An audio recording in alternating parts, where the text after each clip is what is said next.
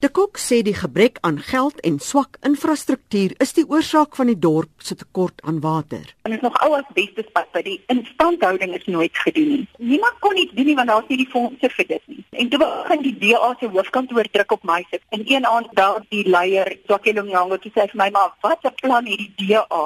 Sê nee, ek weet nie ons het nie. Sê my in 24 uur soek ek 'n plan asseblief. Haar idee maak staat op swaartekrag om die water na die dorp te pomp. Uiteindelik het ek besluit maar hoekom gebruik ons nie groot gewag wat nou 100% vol is en Bloemfontein wat 60 is met gravitasie kan daai water afkom. Daai water word op die oomblik gebruik deur tankers wat dit daar gaan altyd word gesuiwer kan dit lê dit in die vragmotors en dan kom lewer hulle dit af in die Jojo tanks. Die munisipaliteit kry geen geld vir dit nie. Hulle het al die koste daarin om dit te suiwer en aan te ry, maar dit gaan nie deur die meters by die huise nie. Dit is toe dat die kok haar plan wat sy met behulp van ander kundiges saamgestel het, voorstel. Rikus Roos, hy's 'n stapbeplanner, hy het dit vir my 'n bietjie formeel gestel.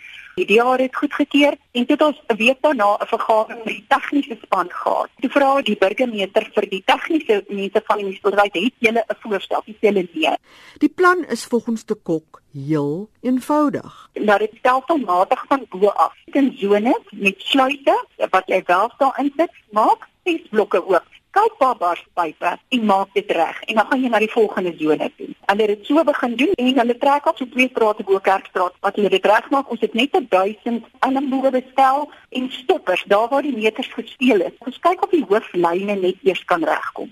Maar hoe het swaartekrag 'n verskil gemaak? Met die gravitasie is die druk nie so hoog nie. Die pype bars nie so erg nie of die kans dat hulle gaan bars is minder. Waar as jy dit oppomp is die drukking baie hoër dan bars die pype. Enige ou kon eintlik hierdie plan maklik insien. En ek ploeg met ander mense se kalers, met die ingenieurs en met die tegniese span by die munisipaliteit het baie raad gegee. Gister het 'n derde van die dorp weer lopende water gehad. Die kok beklemtoon dat die gebrek aan onderhoud langtermyn gevolge het. Dis 'n groot probleem want ek het 'n uitleg gekry van die grootte van die pype en wat die koste gaan wees om dit te vervang.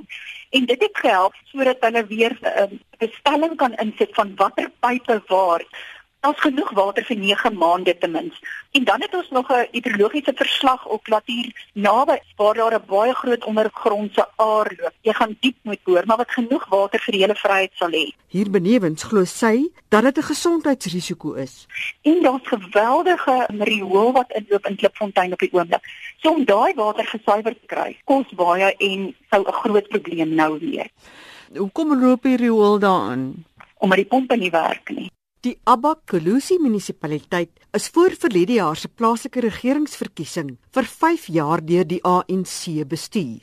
Na die verkiesing is daar 19 IFP en 3 DA-lede wat die dorp met 'n samewerkingsooreenkoms regeer. Die ANC het 21 lede en die EFF 1 lid. Monitor het die burgemeester, Martin Mishali, sonder enige sukses probeer kontak. Wie moet verantwoordelikheid aanvaar? Die uh, munisipale bestuurder is net waarnemend op die oomblik. Oh, okay. Okay. Ons het probleme gehad met die aanstelling van een op die stadium met die EFF geweldige verskille in die binnekringe. Oh. En ek dink dit het meer tyd gevat hoekom ons nie regtig by die dorp se besluite uitgekom het. Ek mm. hoop dit word nou beter. In hierdie stadium is baie inwoners verheug oor hulle weer water het. Die eerste mense het al water in hulle krane. Dit is eintlik mooi en suiwer en lekker water. Die DA bestuurslid van die Abukulusi munisipaliteit op Vryheid in KwaZulu-Natal, Alta Roos te Kok, Mitsi van der Merwe, SAK nuus.